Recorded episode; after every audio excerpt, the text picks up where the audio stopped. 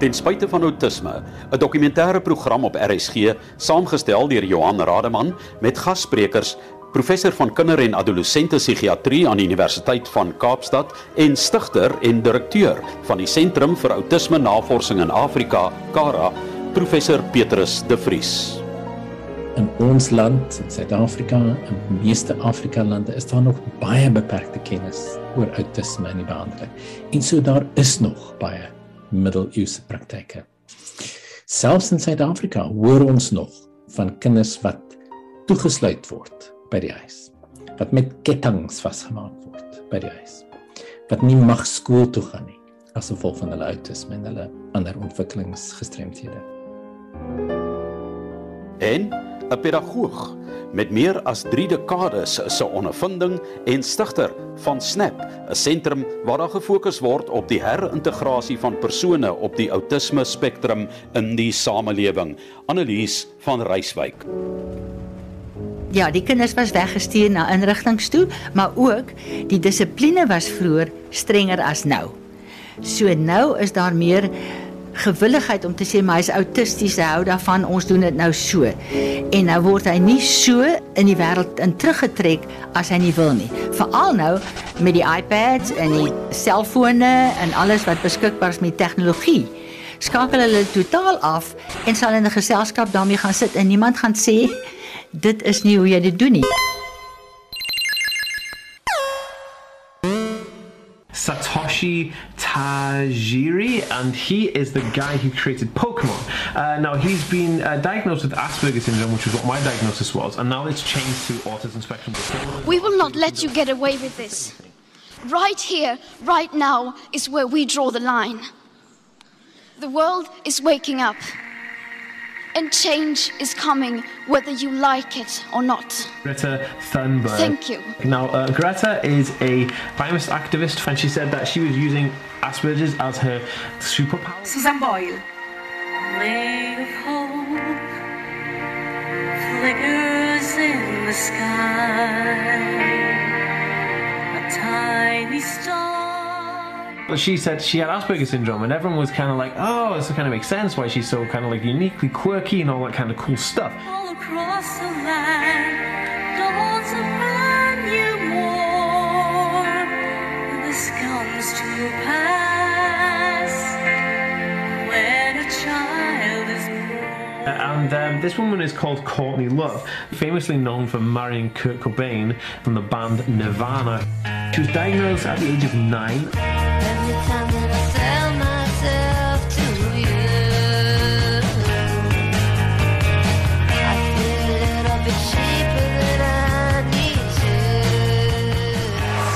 Anthony Hopkins. Sir Anthony Hopkins. This is down to his autism spectrum condition. Man, in this guy's huge, just like a Hollywood movie star.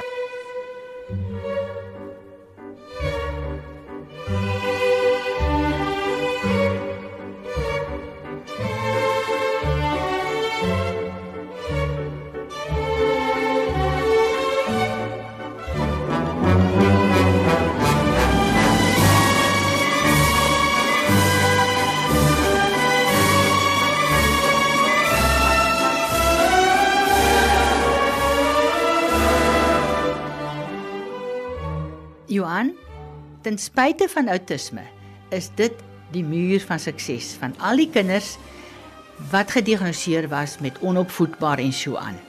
Sy besig met haar tweede graad. Hy is nou op universiteit klaar, besig met drama. Hy het matriek gemaak. Hy is in die hoofstroom. Hy was nooit gediagnoseer nie. Ek het hom gediagnoseer en hy is nou in graad 10 in die hoërskool.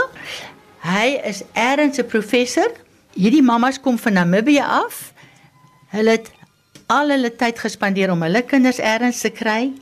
Sy is nou ook in die hoërskool en doen baie goed. En hulle is my kleinkinders wat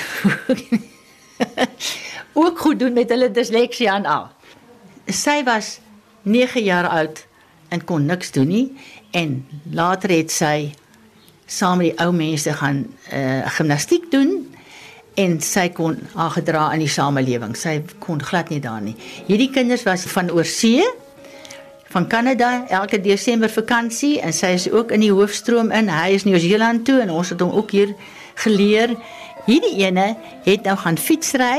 Hy het internasionale klere vir ijshokkie, nasionale klere vir hokkie en nasionale klere vir fietsry. Hy's 'n boffen op die rekenaar en hy speel 'n musiekinstrument en hy's nou 30 jaar oud en hy's getroud en hy het 'n baba. En toe hy 'n babatjie was, het die dokter by die Rooikruis vir die mamma gesê: If you don't work with this child now, he's going to be mentally handicapped when he grows up. En die mamma het geluister en ons het gewerk en dis waar hy gekom het. Die vraag oor diagnostisering van outisme is 'n interessante een want dit is nie net 'n kwessie van bloedtrek nie om die waarheid te sê dit sou baie maklik gewees het vir ons as ons vinnige bloed toets kon gedoen het om te sê jy het of jy het nie outisme dis juist deel van die uitdaging van 'n diagnostisering maak van outisme en om dit te identifiseer. Want outisme is 'n ontwikkelingstoestand van die brein en van ons breinfunksie. Met ander woorde wanneer ons kyk is na die ontwikkeling van sosiale kommunikasievaardighede in 'n jong kind of in 'n kind soos wat hulle ouer word en meer matureer.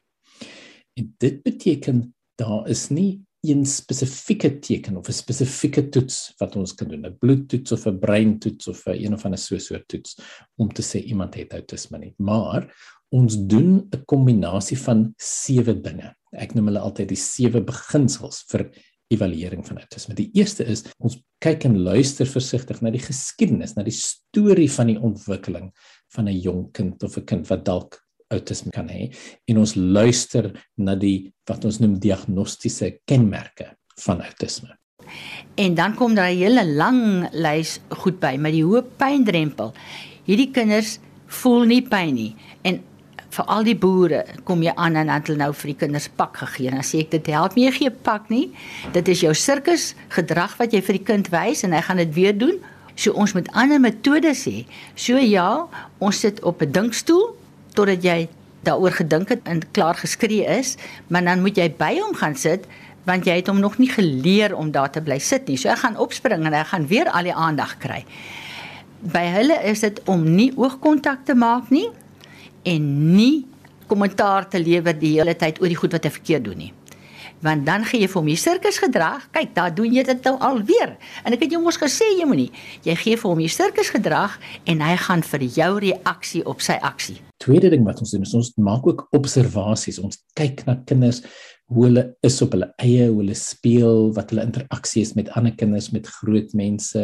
So, hy wil nie drukkies hê nie. Jy moenie sy hare vryf nie. Jy moet nie hom vat nie. Dis die kinders wat op sy terme na jou toe sal kom en iets doen. Maar dan is daar ook kinders wat oraal sensitief is en dit gaan met die kosse wat hulle eet. So party kinders eet net papkosse en ander eet net harde kosse. Dan ook gehoorsensitief en dit is 'n baie belangrike een. Die gehoorsensitief in die klas en die tas. Want nou staan hulle ry en die kinders voor en agter stamp hulle en dan begin hulle aggressief raak en begin terugslaan. Want vir hom voel dit soos 'n baie harde klap wat hy kry, harder as wat jy kan dink. En die gehoorsensitief ook. Net daai geskuifel van die stoele, net die juffrou se stem wat te hard is, wat raas met een kind en dan dink hy hy word mee geraas. Kan hulle heeltemal in 'n sensoriese oorlading ingooi. En as jy vandag in 'n sensoriese oorlading is, is dit môre nie weg nie. En vir skole, die 7de week van 'n kwartaal is wat hierdie tipe kinders in 'n oorlading gaan. As juffrouens begin kla aan die ouers, dan sê ek hoeveelste week is ons in? Dan is dit die 7de week. As hulle van die skool afkom, dan moet hulle ook die een gaan loop in die tuin, die ander een gaan sit in sy kamer. Hulle moet net ontrafel van wat by die skool gebeur het, want dis vir hulle groot inspanning om by die skool te konsentreer en alles te doen wat die ander kinders sommer spontaan doen. Want dit is hoe ons gaan sien of hulle dalk van hierdie sosiale kommunikasie probleme het. Hy wil altyd op die blou stoel sit en dan kom jy in 'n restaurant en daar's nie 'n blou stoel nie. Hy wil die rooi pen hê en daar is nie 'n rooi pen nie. So ons moet hulle leer om te veralgemeen.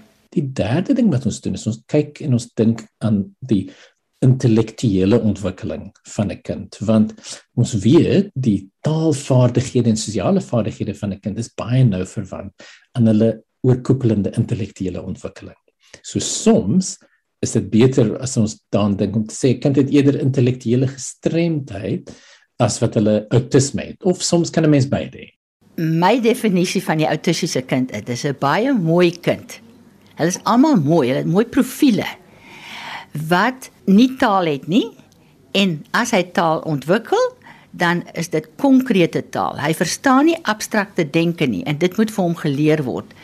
So die taal word eers baie ritueel aangeleer. Ons lees dieselfde storie vir 'n kwartaal tot hy dit kan terugvertel. Maar dan begin ons vra vra, maar ons leer hom die antwoord van die vraag totdat hy dit kan gee. En dan moet hy dit begin gebruik. Die volgende wat ons doen is om te kyk en te luister na die taalvermoë en ontwikkeling van 'n kind en ook na hulle funksionering in daaglikse lewe. Wat hulle kan doen, wat hulle goed is, wat hulle nie meer goed is nie. Hulle motoriese ontwikkeling en alles tipe dinge soos dit. Dis baie interessant dat die taal so rigied is. Hulle praat met jou soos jy met hom praat. So jy sê, "Wil jy sap hê?" En as hy na jou toe kom, dan sê hy, "Wil jy sap hê?" Nou moet ons leer, "Ek wil sap hê." En al daai taaldrille moet ingedrul word en dan veralgemeen word. As jy dit net in die kombuis doen of soos die mamma in die Filippyne sê, hy wil nie buitekant hierdie kamertjie iets doen nie. Dis ek nee, want jy het hom net in daai kamertjie getutor. Jy moet hom buitekant die kamertjie ook vat en dit leer.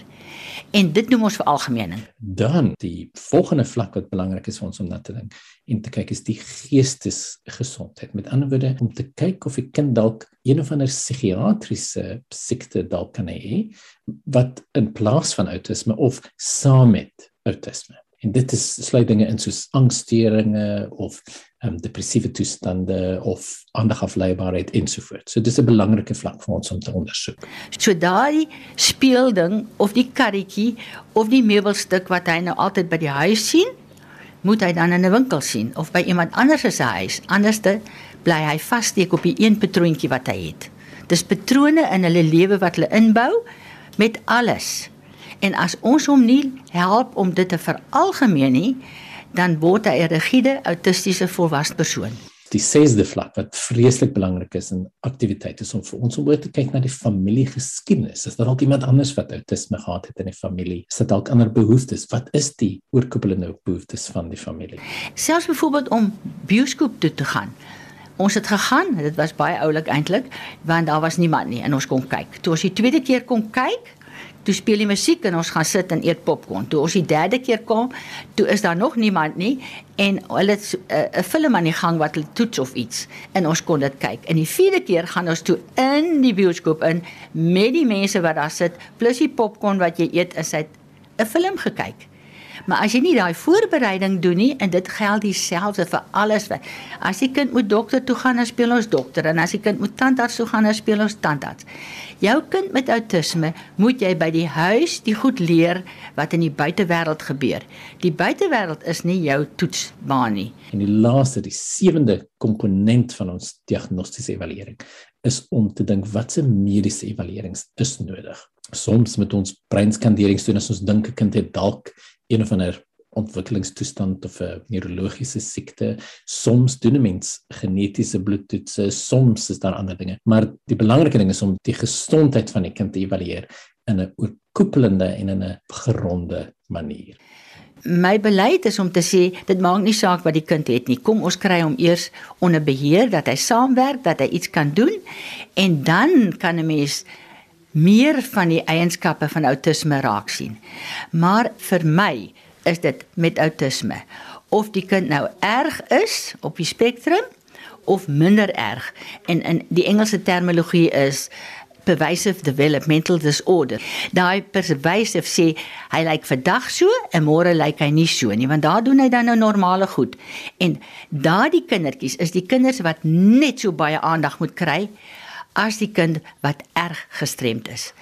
En dan met die impak van die tutoring wat ons doen, vorder die kind dan so dat jy kan sê kyk waar is dit nou? Nou luister hy, hy taal, nou moet ons dit weer kanaliseer om abstrakte denke by te kry sodat hy in die buitelewe kan pas. En dan kan hy na 'n hoofstroomskool toe gaan. Al hierdie inligting sit ons dan bymekaar om te kyk het my kind moontlik 'n autisme spektrum diagnose.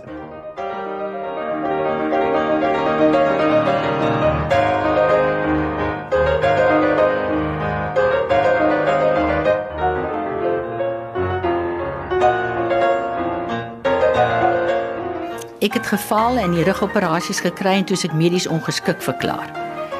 Dis nou 22 jaar terug. En toe loop ek daar agter my hek en dink wat kan ek nou doen? Want ek het begin by die skool om die kinders te help wat te veel was en hulle na my klas toe gekom en met die ouers en ek het hulle geleer hoe om die kinders te hanteer. Toe besluit ek, "O, oh, special needs adapted program." En toe ek dit nou skryf, toe sien ek die voorletters se snap. En dis waar Snap nou vandaan gekom het en nou al 22 jaar oud is en ons het baie baie kinders gehelp met baie goeie resultate wat boekhouers is en uh, hulle BSc grade het. Die een is nou al getroud en hy het sy babietjie vir my kom wys en hy BSc graad en hy het internasionale kleure vir ijshokkie en vir hokkie, nasionale kleure vir fietsry. Ja, hy is heeltemal in die lewe in. Hy's baie bekommerd oor sy seentjie en dis hoekom kom wys dit toe sê ek nee, hy lyk heeltemal reg. Ek dink hy's 'n bietjie sensories. Soms wanneer iemand autisme het, veral as hulle ook intellektuele ontwikkelingsprobleme het, is dit belangrik dat 'n mens ander maniere en baie spesifieke maniere kry om seks en seksualiteit te verduidelik aan die persoon met autisme. Dit is belangrik dat ons hulle nommer 1 moet beskerm, maar nommer 2 ook moet toerus om 'n goeie begrip te hê van wat aanvaarbaar is en wat nie aanvaarbaar is nie. Een van die wonderlike dinge van autisme is dat mense met autisme het gewoonlik 'n baie baie duidelike sin van reg en verkeerd, van swart en wit. En 'n mens kan dit gebruik tot jou voordeel wanneer dit kom om vir hulle te verduidelik van seks en seksualiteit. En die beginsel hier is nie om te sê seks is verkeerd of seksualiteit is verkeerd nie, maar om vir hulle te help verstaan dat daar toepaslike gedrag is in toepaslike plekke en op toepaslike tye. I'm Temple Grandin. As hulle nou 'n film maak, dan vat hulle al die eienskappe van die verskillende autistiese persone of Asperger persone en sit dit in een sodat hulle dit kan baie mooi verduidelik, maar ook om dit meer dramaties te maak. Want daar's 'n boek geskrywe oor die kind wat uh, speeder wou speel. En dan in die storie is dat elke Dinsdag gee die tannie vir hom 'n koekie op die mark. En toe eendag is die tannie nie daar nie. En toe is daar 'n tantrum. En dan ook hoe hy dan die speeder kom met hom praat en dis 3 uur hy sê sorry maar dit is my filmtyd wat ek op die TV kyk en hy het hom net daar geïgnoreer maar dit is die goed wat wel gebeur maar elke kind het sy eie eienskappe en hulle verskil almal. So jy kan nie dit saamtrek in een kind nie. I don't have children. No, I'm autistic. And I need the sensation of being hugged. And I've developed a machine that I get into and hugs me, and I'm different afterwards. I'm more social. Well, I didn't speak until I was four. Now I have a BA and a master's, and I'm studying for my doctorate. Ek dink die eerste en miskien die belangrikste boodskap is 'n dekade of 2 gelede het mense gedink daar's niks wat ons kan doen om autisme beter te maak nie. En die antwoord vandag is daar is baie dinge wat ons kan doen om kinders en families wat leef met autisme se lewens beter te maak. Nou, ek wil dit dadelik kwalifiseer want ons sê nie dat autisme is iets wat 'n mens moet van ontslaa raak nie. Maar wat ons wel sê is dat daar is 'n groot groep mense wat as gevolg van hulle neuroontwikkeling erge probleme het in hulle daaglikse lewe, 'n groot impak het in hulle daaglikse lewe. En daar is dinge en wetenskaplik bewyste dinge wat ons kan doen om te help in daai geval. En so is die ander ene besig met haar LLB graad en sy was op 4 jaar hierdie kind wat die hoogste bome geklim het en bo die eerste rivier gehang het. En ons het toe met haar begin werk en sy het in 6 maande se tyd 3 en 'n half jaar se agterstand ingehaal. Toe het ek haar ingefaseer in 'n skooltjie met 'n fasiliteerder. So het sy die laerskool en die hoërskool gedoen. Universiteit toe, sy het haar BA gekry. Sy het haar lisensie, sy het 'n beurs gekry om by Beijing toe te gaan vir die mandaryn. Die Chinese was mal oor haar omdat sy so slim was. En sy is besig nou met haar LLB. En sy was gediagnoseer as onopvoedbaar. Die die nuwe beginsel van um, autismebehandeling is eintlik 'n baie opwindende een. En dit is ons het oor die afgelope dekade so wegbeweeg van die beginsel dat 'n kind moet gaan na 'n spraakterapeut en in die spraakterapeut se kantoor gaan sit en iets doen of moet gaan na 'n gedragsterapeut. Die beginsel deesdae is ons sê dat intervensies moet ingebou word in die daaglikse lewe van kinders in die familie moet familie gefokus wees want kinders spandeer die meeste tyd saam met ouers in 'n familie. En binne in daai natuurlike um, daaglikse rotines kan ons die beginsels inbou van kontemporêre en wetenskaplik bewyste autisme intervensies. So dit is nie die beginpunt van 'n 4 en 'n 3 en 'n 5-jarige kind se IQ wat tel nie, dit is wat ons met hulle doen en waar hulle dan uitkom. En ek glo daarin as die staat kon betaal om vir alle kinders 1 jaar 1 op 1 te gee, sou dit 'n wonderlike ervaring wees. In Amerika en Engeland en Holland kry die ouers toelaas van die staat om dit te doen, hier by ons nie. So dit dis 'n groot ding die onkoste wat die ouers moet dra. Amerika het 'n studie gemaak, dit kos 1 miljoen rand om vroeë intervensie te doen. As jy dit nie doen nie, dan kos die kind vir jou 3 miljoen. Want ma kan nie werk nie, so moet die kind oppas. Die kind is nie in 'n werk nie, dis nog 'n salaris wat weggaan. En dan al die onkoste van wat 'n mens verder dan met die kinders kry. In Engels is die groep van van intervensie wat ons deesdae probeer um, promoveer in Suid-Afrika en oral in die wêreld word genoem NDBI, Naturalistic Developmental Behavioral Interventions. So kom ek probeer dit uitspel en verduidelik in Afrikaans. Die naturalistic naturalistiese verwys na die feit dat ons te doen in natuurlike omgewings van kinders en families, eerder as in 'n kliniek of in 'n spesiale plek.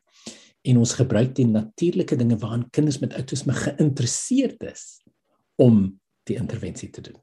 Ons volg hulle as my kind geïnteresseerd is om te speel in die tuin en gras uit te trek, dis waar ons gaan begin met intervensie. Die tweede komponent developmental, so in Afrikaans ontwikkeling. Ons weet dat elkeen van ons en elke kind is op verskillende ontwikkelingsvlak met verskillende ontwikkelingstake. So ons doen 'n evaluering van waar is my kind in terme van hierdie spesifieke taalkomponent of ander ontwikkelingskomponent en dan help ons hulle tot by die volgende punt kom. En net om 'n voorbeeld te gee van hoe ons dit gebruik in taalintervensie. Ons gebruik 'n beginsel wat ons noem die one up rule, een op.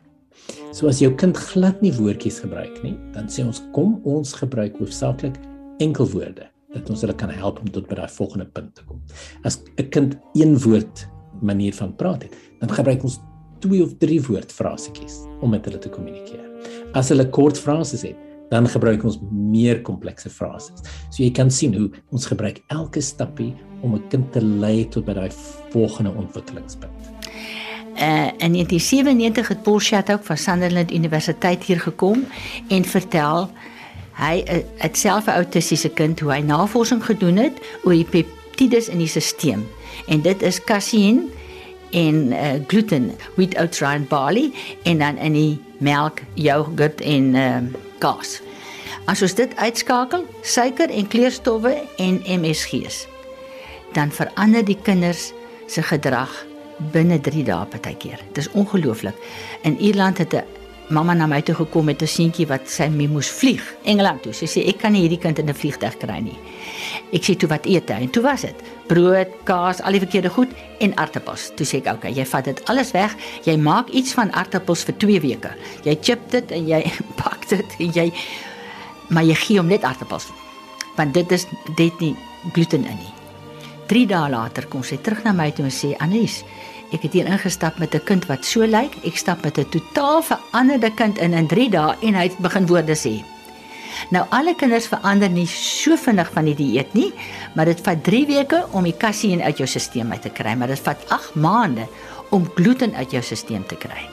En hoekom ek hierdie dieet verkies voor al die ander dieete, want al wat die ouers sê, wat kan ek in die kosblik sit? Dan kan jy ten minste nog ryskoekies en daai goed doen en dan hou jy by die kos wat hy mag eet en daarvan gee jy meer en jy probeer die ander uitsny. Maar dit het 'n groot impak op die kind se ontwikkeling en taal en alles saam met die dieet. Jou maag en jou brein werk saam en die peptides gaan na die brein toe en hier kinders word verslaaf daaraan en dan op die ou end eet hulle net alles wat gluten en kasein is. Brood, visvingers met krummels om en die uh, chicken nuggets en al daardie kos. Dis al wat hulle eet en jy kry nie meer die gewone kos by hulle in nie. En die B, die B staan vir behavioral of gedrags. Ons gebruik wel die beginsels van gedragsterapie om te kyk wat hoe ons 'n kind se gedrag kan versterk, hoe ons dit kan opbreek in verskillende komponente, hoe ons hulle kan help om in 'n 'n positiewe rigting te gaan om iets wat ons nie wil sien nie minder te maak en iets wat ons wil sien meer te maak. Dis hoe ons almal werk in die, in elke dag se lewe. Ehm um, maar ons gebruik daai spesifieke beginsels van gedragsterapie as deel van hierdie natuurlike ontwikkelingsgedragsintervensie. So dis die NDBI's. En die oorkoepelende doel is ons beginsel dat 'n kind met outisme vind dit dikwels moeilik om outomaties of spontaan deel te wees van die sosiale wêreld rondom hulle. En wat ons doen met hierdie intervensies is ons stap nader, ons probeer intree in hulle eie wêreld om van binne in hulle wêreld hulle dan geleidelik te help te versterk en meer deel te maak van die wêreld daar buite. Dit was ten spyte van outisme met gassprekers professor Petrus de Vries en Annelies van Reiswyk. Die musiek in die program is alles gekomponeer, uitgevoer of vertolk deur persone wat op die outisme spektrum gediagnoseer is. Susan Boyle het When a Child is Born vertolk. David Helfgott het die klaviermusiek uitgevoer en sal onthou word vir die rolprent Shine wat oor sy lewe gemaak is. Courtney Love het saam met haar oorlede man Kurt Cobain van Nirvana Asking for It gesing, terwyl Andre Ree se Anthony Hopkins se komposisie And the Waltz Goes On uitgevoer het. Ten spyte van outisme, 'n dokumentêre program op RSG, is saamgestel deur Johan Rademan en is ook op potgooi by rsg.co.za onder RSG dokumentêre beskikbaar.